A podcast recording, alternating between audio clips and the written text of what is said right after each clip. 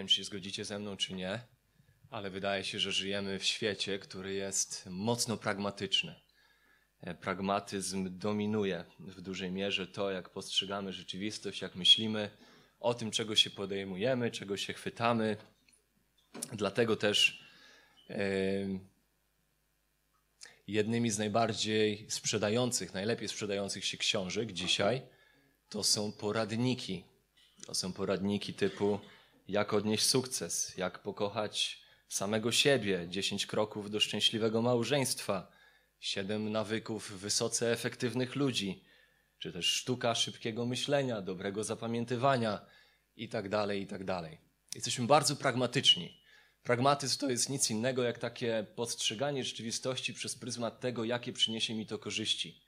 Jak to zadziała, czy to zadziała, i czy zadziała dobrze, i czy zadziała szybko. I sytuacja wygląda podobnie, jeżeli chodzi o Kościół. To nie jest tak, że my nie myślimy pragmatycznie, kiedy jesteśmy w Kościele, albo kiedy myślimy o naszym życiu z Bogiem, kiedy myślimy o chrześcijaństwie. My bardzo często zadajemy sobie pytanie, co Kościół, co dana książka, co dane spotkanie, co dane kazanie da mi praktycznego. Co mi damy, co da mi praktycznego? Jakie kroki mi da, z którymi będę mógł stąd wyjść, je podjąć i moje życie stanie się lepsze? My chcemy poznać kroki do bycia lepszymi rodzicami, lepszymi współmałżonkami, lepszymi chrześcijanami, lepszymi sobą po prostu. I to jest ok poniekąd, to ma swoje miejsce w chrześcijańskim życiu. Biblia jest niezwykle praktyczna i chyba nie ma, zdecydowanie nie ma mądrzejszej księgi, która uczyłaby nas praktycznie tego, jak żyć. Dlatego chociażby studium biblijne, które odbywa się w środę, jest bardzo praktyczne, bo skupia się na księdze przypowieści, no, która jest tak praktyczna, jak już praktycznym chyba nie da się bardziej być. Uczy takich rzeczy, jak właśnie być lepszymi rodzicami, jak posługiwać się swoją mową, jak opanowywać swój język, jak zarządzać swoimi posiadłościami materialnymi i tak dalej, i tak dalej. Więc Biblia jest praktyczna i to właśnie ona, jak żadna inna, uczy prostaczka mądrości. To ona, jak żadna inna księga, pozwala nam spojrzeć na to, jak, jak naprawdę żyć, aby żyć dobrze. Więc to oczywiście ma jakieś swoje tam właściwe miejsce, ten, ten, ten pragmatyzm. Jest miejsce w naszym życiu na pragmatyzm. No, problem jednak jest taki, że wydaje mi się, że my bardzo łatwo jesteśmy zdominowani pragmatyzmem. Do tego stopnia, że w czymś, co pragmatyczne nie jest, przestajemy dostrzegać wartość. Trudno nam dostrzec wartość w czymś, co pozornie może dla nas nawet wydawać się niepraktyczne, niepragmatyczne. Do tego stopnia, że za bardzo na przykład nie wiemy, jak, jak ugryźć kazanie, które nie skupia się na nas, jak ugryźć kazanie, którego głównym przesłaniem, którego skupieniem nie są trzy praktyczne wskazówki dla mnie, jak być lepszym kimś, którego głównym przesłaniem nie jest pięć kroków do osiągnięcia jakichś konkretnych rezultatów dla swojego życia. Nie wiemy często, co z takim kazaniem zrobić. Kazanie takie bardzo często w pogardliwy sposób nazywamy teoretycznym, akademickim, martwym, po prostu nudnym. Ono jest takie naukowe wtedy, no bo ono nie daje mi nic praktycznego. Więc dzisiaj trochę taka mała dygresja, e, dochodząc do końca Ewangelii Marka. Nie wiem, czy uda nam się w ogóle Ewangelię Marka spojrzeć, bo chciałem poczynić trochę taką małą dygresję. Trochę, żeby nam przypomnieć, a trochę też, żeby uświadomić, szczególnie jak może jesteście gośćmi w naszym kościele, może jakiegoś czasu tutaj bywacie i zastanawiacie się, o co chodzi, czemu te ostatnio, zwłaszcza ta Ewangelia Marka, to taka właśnie jest teoretyczna.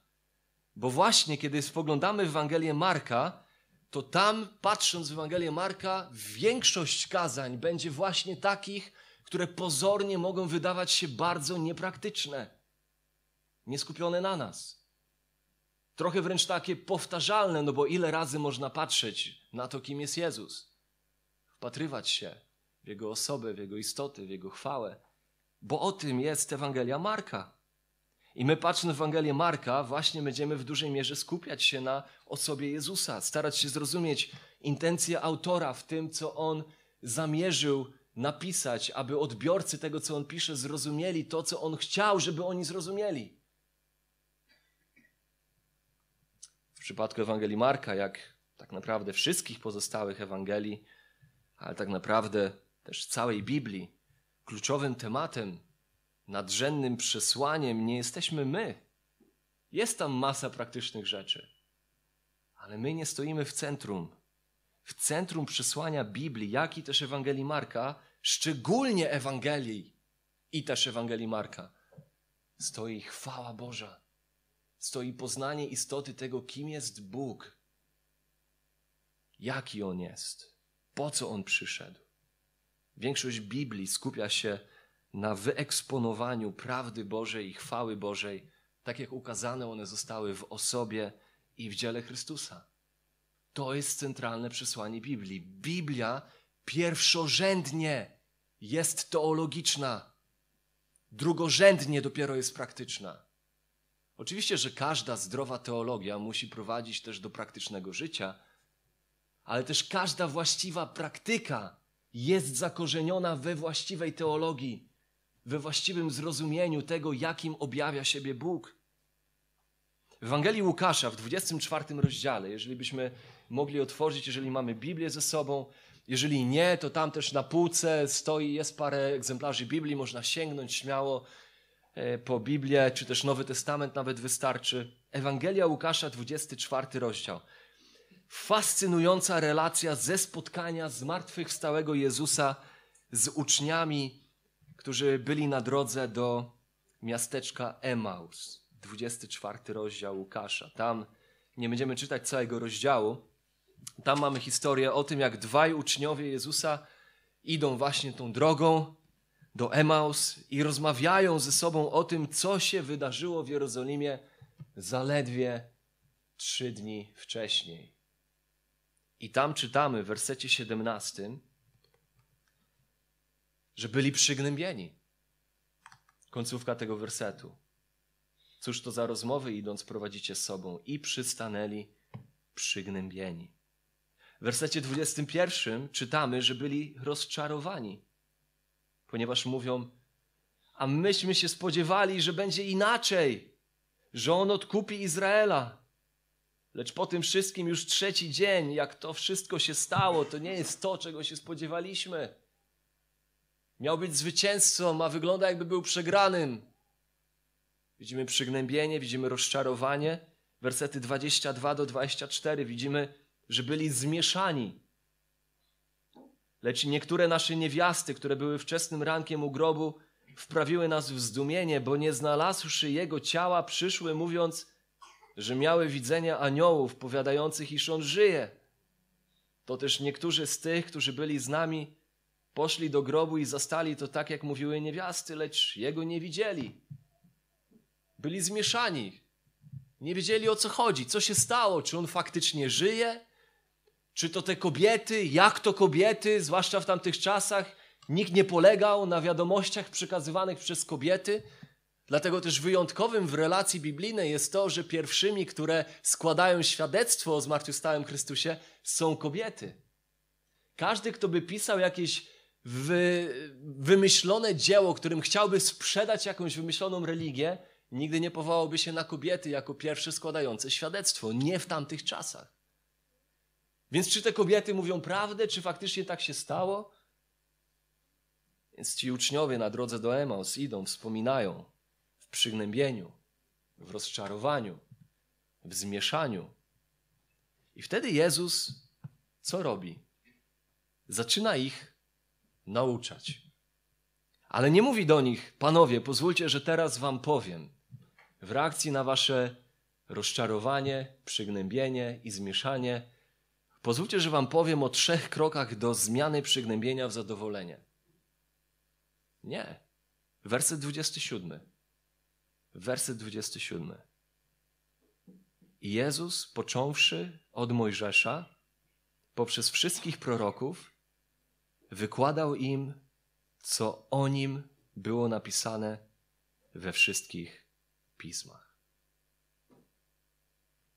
Widać, że ta rozmowa trwała długo.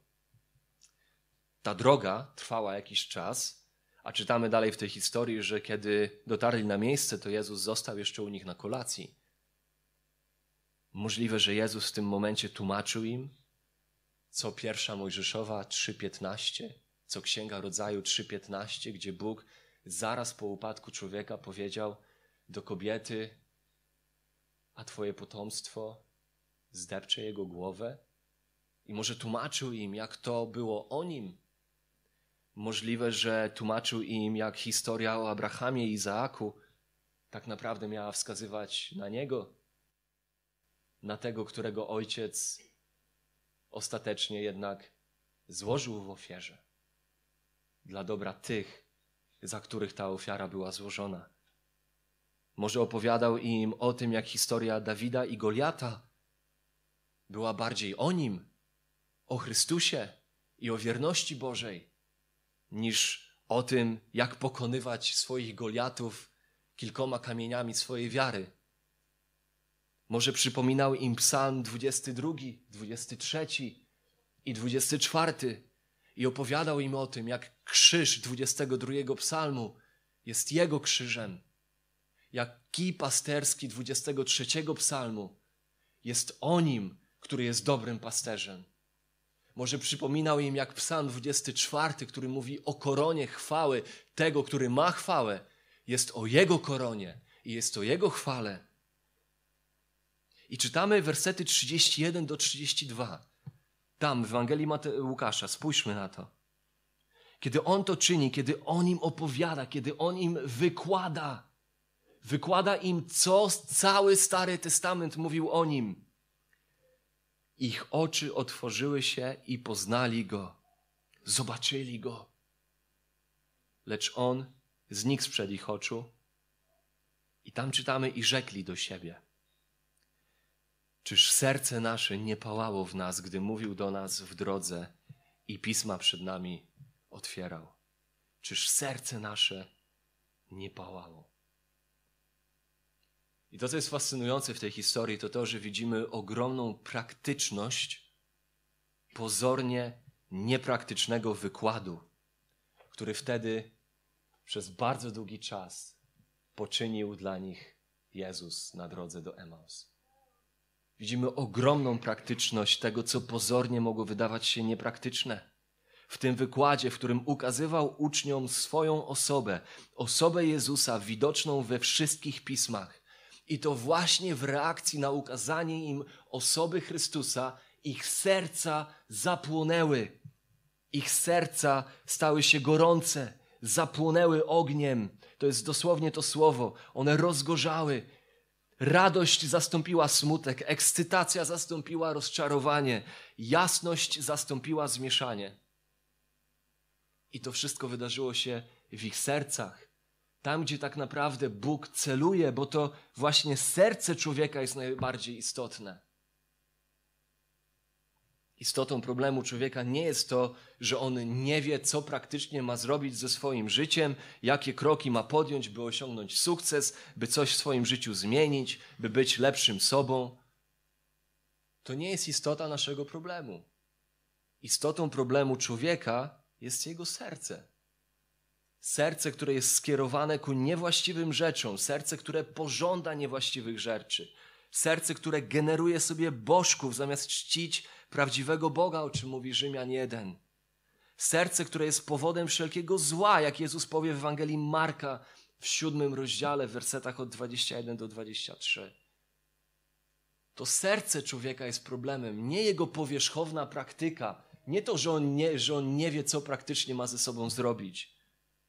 I tam w Marka w siódmym rozdziale od wersetu 21 Jezus powie, że właśnie albowiem z wnętrza, z serca ludzkiego pochodzą złe myśli, wszeteczeństwa, kradzieże, morderstwa, cudzołóstwo, chciwość, złość, podstęp, lubieżność, zawiść, bluźnierstwo, pycha, głupota, głupota. Wszystko to złe pochodzi z wnętrza i kala człowieka. Ostatecznie powodem problemów człowieka nie jest jego środowisko, nie jest jego otoczenie, nie jest jego wykształcenie, czy też brak tego wykształcenia, nie jest jego status, czy też brak tego statusu, ale problemem jest serce. Nawet w kwestii głupoty, mówi Jezus, problemem nie jest wykształcenie, które przychodzi z zewnątrz, ale to, co jest w sercu człowieka. Jeśli weźmiesz złodzieja i dasz mu siedem kroków do bycia lepszym sobą, to jedyne, co sprawisz, to to, że po prostu on się stanie sprytniejszym złodziejem. Nie zmienisz jego serca. Zamiast okradać piwnicę, zacznie okradać swojego pracodawcę albo zacznie kraść w podatkach w sprytny sposób. Dlatego religie nastawione na uczynkowość, dlatego pobożność, która jest tylko pragmatyczna, która tylko skupia się na tym, co ja z tego mogę mieć, jakie praktyczne wskazówki, jak moje życie może stać się lepsze dzięki temu kościołowi, dzięki jakiemuś spotkaniu, dzięki temu, co usłyszę, dzięki temu, co przeczytam, jak po prostu ja mogę czerpać z tego korzyści? To taka pobożność, takie religie nastawione na uczynkowość, rób to, rób tamto, a będzie lepiej, zasłużysz sobie na zbawienie przy okazji, generują jedynie faryzeizm, nic więcej. Faryzeizm to nic innego jak powierzchowna zmiana. Zmiana, która jest tylko na wierzchu, ale w sercu pozostaje zgnilizna, zepsucie, martwota. To jest to, co pismo nazywa pobożnością pozbawioną mocy, kiedy Paweł pisze do Tymoteusza. Nazywa to pobożnością, która jest jedynie cielesna, nastawiona na swoje korzyści, a nie na poznanie i uwielbienie Boga, nie na serce, które rozpoznaje w Chrystusie tego, kim On naprawdę jest, zachwycając się Nim, rozkochując się w Nim i wielbiąc Go. Prawdziwa przemiana pochodzi z wnętrza i prawdziwa przemiana musi sięgać wnętrza, musi sięgać serca. Prawdziwa przemiana musi być przemianą myśli, przemianą uczuć, przemianą woli człowieka, a nie jedynie pięcioma wskazówkami, jak pokonać swoich Goliatów. To właśnie z myśli, z uczuć, z naszej woli, z naszego serca pochodzą złe rzeczy. I pytanie, jakie jest rozwiązanie w takim razie? Przynajmniej w przypadku przygnębionych, rozczarowanych, zmieszanych uczniów na drodze do Emaus, widzimy, że rozwiązaniem właśnie było sięgnięcie do ich serc, do ich uczuć, do ich woli. W jaki sposób? Poprzez otwarcie ich oczu, tak by mogli zobaczyć Jezusa za to, kim i jaki On jest. Czyż nie?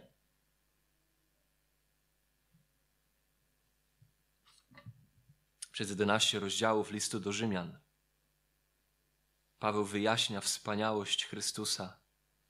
Przez 11 rozdziałów pokazuje tą taką monumentalność Jego łaski i miłości, tak jak one są widoczne w dziele zbawienia dla grzeszników, w Jego życiu, śmierci i zmartwychwstaniu przez większość tego listu to czyni. Żeby w dwunastym rozdziale, dopiero w dwunastym rozdziale napisać wersety 1-2. Rzymian 12, 1-2. Wzywam tedy, bracia, was przez miłosierdzie Boże, złóżcie ciała swoje na ofiarę żywą, świętą, miłą Bogu, gdyż taka winna być duchowa służba wasza i nie upodabniajcie się do tego świata, ale bądźcie przemienieni w umysłach swoich, aby rozróżniać, co jest wolą Bożą, co jest dobre, miłe i doskonałe. Eksponując miłosierdzie Boże ukazane w Chrystusie przez 11 rozdziałów, dopiero w oparciu o to miłosierdzie, mając nadzieję, że to chwyta za ich serca, że to sięga do ich serc, w oparciu o miłosierdzie Boże wzywam bracia, was, złóżcie teraz swoje życie w żywej ofierze Bogu. Bóg przede wszystkim szuka czcicieli, a nie tych, którzy chcą praktycznych wskazówek do tego, jak sobie życie poukładać.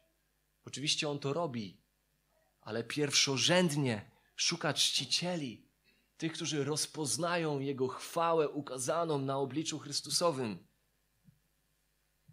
Paweł rozumie, że tylko widząc i rozumiejąc niezwykłość Chrystusa, ci, do których pisze list do Rzymian, będą w stanie dopiero wtedy być niezwykle mu oddanymi i stawać się podobnymi do niego. Dlatego Paweł, pisząc do Koryntian, Pisze im tak w 1 Koryntian w drugim rozdziale: Przyszedłem do Was, żeby głosić Chrystusa, nie żeby błyszczeć mądrością i słowami, jak mówi jeden z przykładów, ale żeby głosić Chrystusa.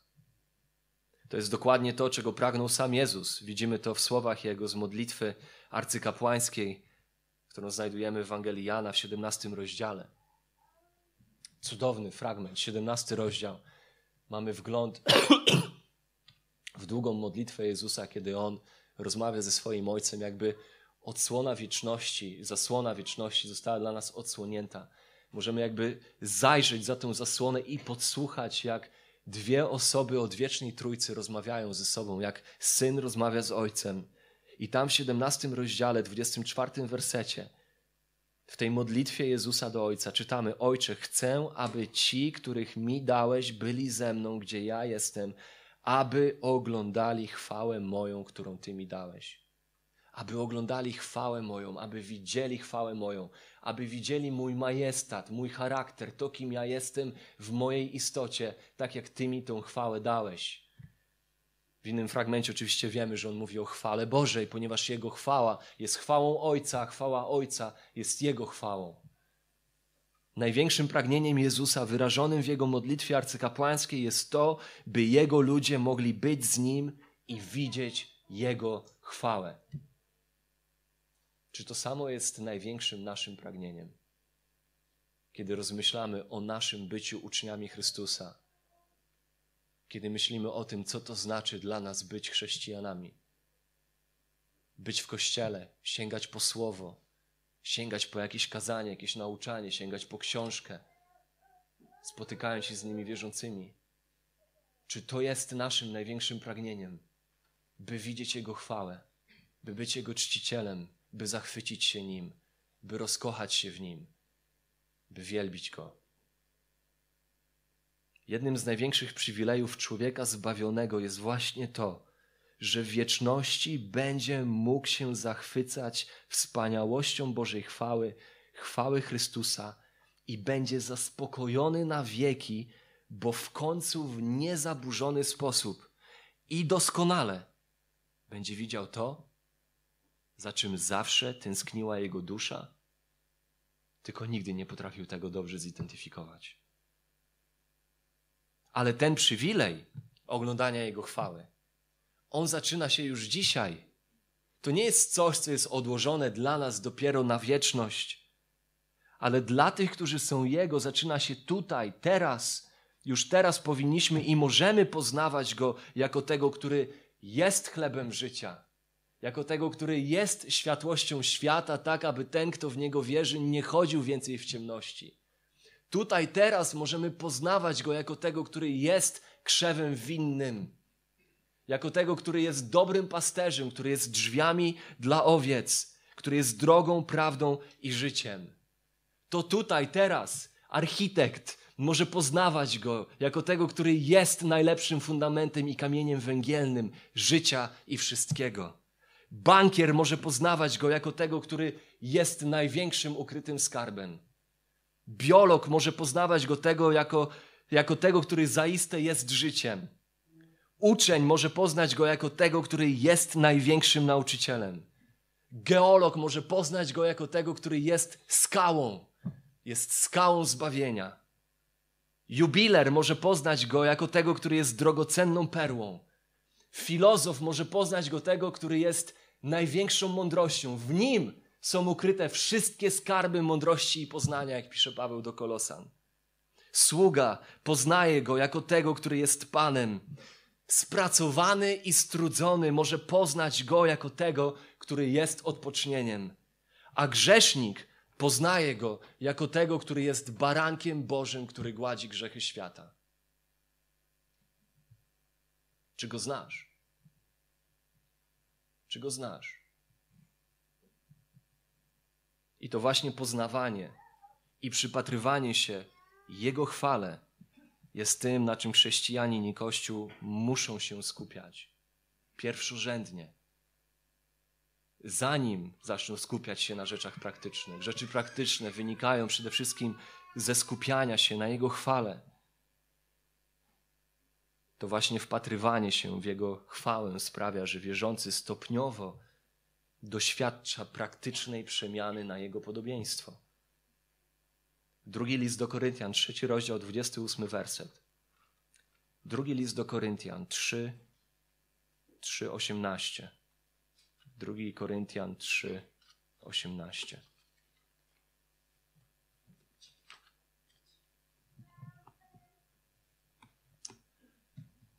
Tam Słowo Boże ujawnia nam sekret przemienionego życia.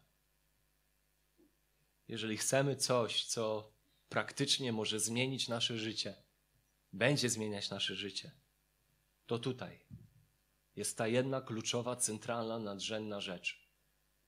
My wszyscy tedy, z odsłoniętym obliczem, oglądając jak w zwierciadle chwałę Pana, zostajemy przemienieni w ten sam obraz z chwały chwałę, jak to sprawia Pan, który jest duchem. Tutaj czytamy, że to właśnie dostrzeganie oblicza chwały Chrystusa, które spoglądają na nas z kart pisma, czy też choćby z kart Ewangelii, jest tym, czego pierwszorzędnie potrzebujemy, jeżeli chcemy praktycznie doświadczać bycia przemienianymi na Jego podobieństwo. Żeby zmieniło się nie tylko nasze życie zewnętrznie, ale żeby zmieniło się nasze serce to stajemy z odsłoniętym oblicze, jak w zwierciadle, wpatrując się w chwałę Pana i wpatrując się w Jego chwałę, w Jego obraz, w to, jakim On jest ukazany dla nas, kim On jest, jaki On jest, czego On dokonał. Wpatrując się w to wszystko, doświadczamy przemiany w ten sam obraz.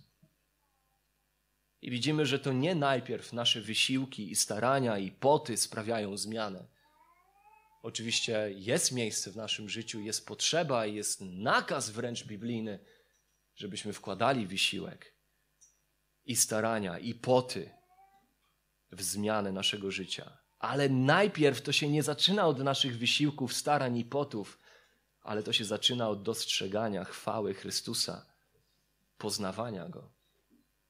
To zresztą jest istotą zbawienia w ogóle i życia wiecznego w ogóle. Gdybyśmy wrócili do arcykapłańskiej modlitwy Jezusa, 17 rozdział Ewangelii Jana, 17:3, warto sobie ten fragment zaznaczyć, ten werset. Jeżeli ktokolwiek kiedykolwiek zapytałby Was, czym jest życie wieczne, czym jest zbawienie, no to od razu oczywiście naturalnie wiele odpowiedzi nasuwa nam się na myśl. No, zbawienie polega na tym, że idziesz do nieba, jesteś uratowany od piekła. Zbawienie to przebaczenie grzechów, zbawienie to pojednanie z Bogiem. I to wszystko oczywiście jest wymiarami zbawienia, jest wymiarami życia wiecznego. Tutaj natomiast w Jana 17:3 sam Jezus definiuje dla nas, czym jest życie wieczne. Posłuchajmy. A to jest życie wieczne, aby poznali Ciebie. Aby poznali Ciebie, jedynego prawdziwego Boga i Jezusa Chrystusa, którego posłałeś. Życie wieczne to jest poznanie chwały Bożej. Majestatu istoty Bożej w Ojcu, w Synu i w Duchu Świętym. W centrum stoi poznanie Bożej chwały Jego istoty. Stoi ono w centrum naszego zbawienia i stoi ono w centrum naszego uświęcenia. Nie czynimy siebie bardziej podobnymi do Chrystusa własną mocą, pięcioma wskazówkami do czegoś tam, ale nasza przemiana zaczyna się od wpatrywania się w Chrystusa. I do tej przemiany, która sięga do serca, potrzeba niczego mniej niż mocy Bożej. Ta przemiana nie jest trudna, ona jest niemożliwa. I ona nie wywodzi się z naszych własnych starań, wysiłków i potów przede wszystkim czy pierwszorzędnie. Jedyne, co jest w stanie tej przemiany dokonać, to Bóg. Więc czytamy w tym fragmencie 2 Koryntian 3:18, że oglądając chwałę, zostajemy przemienieni. Zauważcie, zostajemy przemienieni. Mamy tutaj czasownik w formie biernej. Nie my produkujemy przemianę, ale my zostajemy przemienieni. Tak jak skała nie może sama siebie przemienić w piękny obraz, jaki powstał w umyśle artysty, ale przemiana następuje przez cierpliwą pracę rąk rzeźbiarza. Tak samo tutaj przemiany dokonuje Bóg swoim duchem i swoją mocą, kiedy my wpatrujemy się w Jego chwałę, poznajemy Go, zachwycamy się Nim, wielbimy Go. My mamy wpatrywać się w zwierciadło Słowa, tak jak ono ukazuje Go, aby w Nim, w tym Słowie widzieć Chrystusa. Jak kwiat, który wychyla swoje oblicze ku słońcu, aby żyć i rosnąć. Widzimy w 2 Koryntian 3:18, jak wygląda ten proces. Podczas gdy my przyglądamy się chwale Pana, przyglądamy się temu, kim i jaki jest, poznając Go z Biblii. I przez to Bóg zaczyna nas zmieniać. Patrzymy na Chrystusa wnikliwie, jaki jest. Rozmyślamy nad tym, zachwycamy się tym, rozkochujemy się w Nim. Poznajemy Go jako godnego zaufania, jako godnego uwielbienia. To zaczyna kształtować nasze życiowe przekonania, przekonania w naszych sercach, które są kluczowe w momentach konfrontacji z jakąś szarą rzeczywistością życia. Wtedy jakieś praktyczne wskazówki, a szczególnie wygenerowane emocjami, one znikają. Kiedy pojawia się środowy wieczór i otrzymujesz wyniki od lekarza o tym, że zostałeś zdiagnozowany ze śmiertelną chorobą. Twoje emocje z niedzielnego poranka nie będą miały w środowy wieczór kompletnie żadnego znaczenia. To, co będzie miało znaczenie, to to, jakim poznałeś Boga. Jakie przekonania poznanie Chrystusa i Jego chwały wygenerowało w Twoim sercu. To przez to Bóg będzie mógł Ciebie przemieniać. Tak byś mógł stawiać czoła różnym ścieżkom życiowym w sposób, który przynosi Jemu chwałę, który staje się podobny do Chrystusa.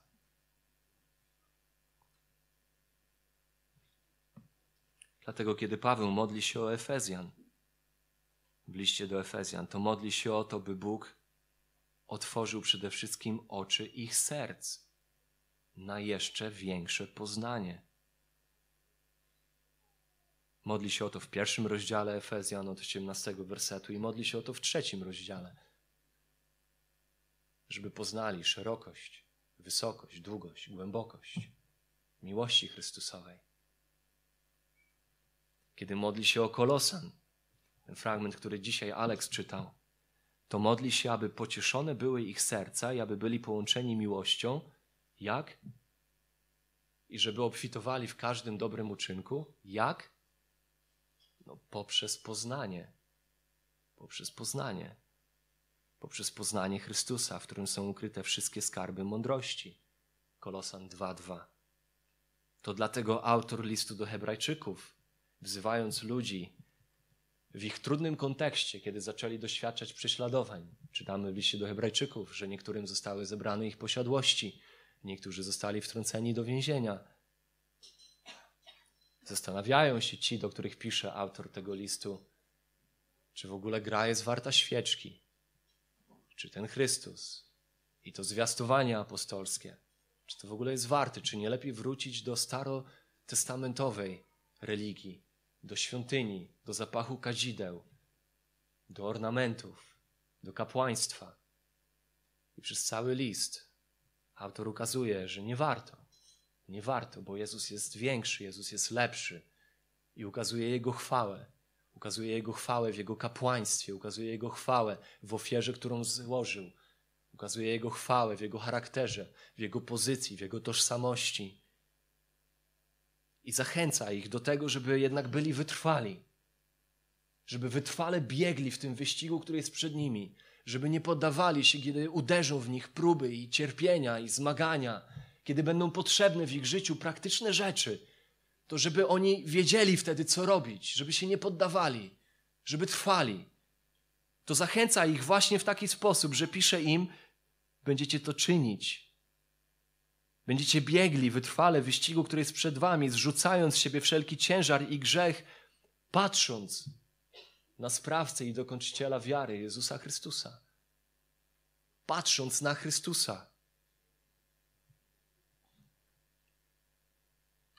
Tak więc, kochani, nie ma nic bardziej potrzebnego i nie ma nic bardziej praktycznego niż dla chrześcijanina wpatrywać się w oblicze Chrystusowe, w chwałę Chrystusową ukazaną nam w Słowie Bożym, które właśnie jest o Nim, bo o Nim jest ta księga przede wszystkim i pierwszorzędnie. Szczególnie Ewangelie są o Nim. Ewangelia Marka jest o Nim. Jest o Jego boskości, jest o Jego wyjątkowości, jest o Jego władzy i autorytecie, jak już zobaczyliśmy. Jest o Jego miłości, Jego trosce. Jest o Jego misji, jest o Jego dziełach, jest o Jego nauce i jest o zbawieniu, którego On dokonał na krzyżu. I hańbą dzisiejszego Kościoła i dzisiejszego chrześcijaństwa jest to, jak niewiele osób jest w stanie w skupieniu i poznaniu rozmyślać nad osobą Zbawiciela. Hańbą współczesnego Kościoła i chrześcijaństwa jest to, jak niewiele my wiemy o Bogu, jak niewiele my wiemy o Chrystusie, jak niewiele książek w naszych chrześcijańskich księgarniach jest o Nim, a jak wiele książek jest o nas i o praktycznym naszym życiu. Tak niewiele potrafimy podziwiać Go. Tak niewiele potrafimy rozpoznać, zidentyfikować i zdefiniować Jego piękno i Jego chwałę. I przez to tak niewiele jesteśmy w stanie kochać. I tak wiotłymi i marnymi wielbicielami przez to też jesteśmy. Tak niewiele jesteśmy w stanie zrozumieć, jak wiele nam przebaczono, bo niewiele rozumiemy z chwały Jego zbawienia. A oczywiście tylko ten, komu wiele przebaczono, jest w stanie wiele miłować. Nasze życia w istocie są tak wielce niedożywione, podczas gdy wydaje się, że powinny być dożywione jak nigdy wcześniej, bo żyjemy w czasie i w kościele, i w chrześcijaństwie, które wydaje się, że jest tak praktyczne, jak nigdy wcześniej nie było. A jesteśmy tak niedożywieni. I warto zadać sobie pytanie o sobie samym. Z duchem modlitwy Dawidowej, Psalmu 139, Boże, badaj mnie i poznaj mnie czy chodzę drogą życia, czy drogą zagłady. I w tej ocenie samego siebie zadać sobie pytanie: jeżeli miałbym usiąść w ciszy, w samotności, żeby rozmyślać o chwale Chrystusa, ile materiału miałbym w swoim sercu i w swojej głowie? Na ile minut by mi wystarczyło, żeby o tym rozmyślać? O Jego pięknie, o Jego chwale, o Jego cudowności. Pięć minut? Czy starczyłoby mi materiału na 15 minut? Na 30? Czy na dłużej? Mam więc nadzieję i moją modlitwą jest to, by podczas tej naszej ścieżki, przez chociażby Ewangelię Marka, patrząc w nauczanie, które jest właśnie o Nim, o Chrystusie, wskazujące na chwałę Jego postaci, nie było dla nas monotonne, nie było dla nas męczące, nie było nudne, nie było teoretyczne. Tak, niech będzie teologiczne, ale żeby też chwytało za nasze serce i zmieniało je, tak jak w zwierciadle, wpatrując się w Jego chwałę, byśmy doświadczali bycia przemienianymi z chwały chwałę na podobieństwo Chrystusowe. Wrócimy do Ewangelii Marka następnym razem, jak Pan Bóg pozwoli. Pochylmy głowy w modlitwie.